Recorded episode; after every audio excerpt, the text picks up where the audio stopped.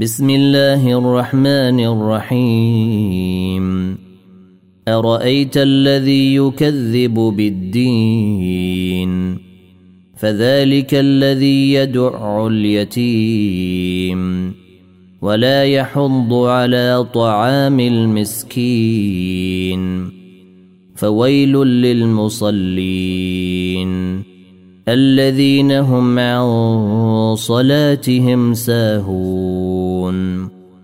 الذين هم يراءون ويمنعون الماعون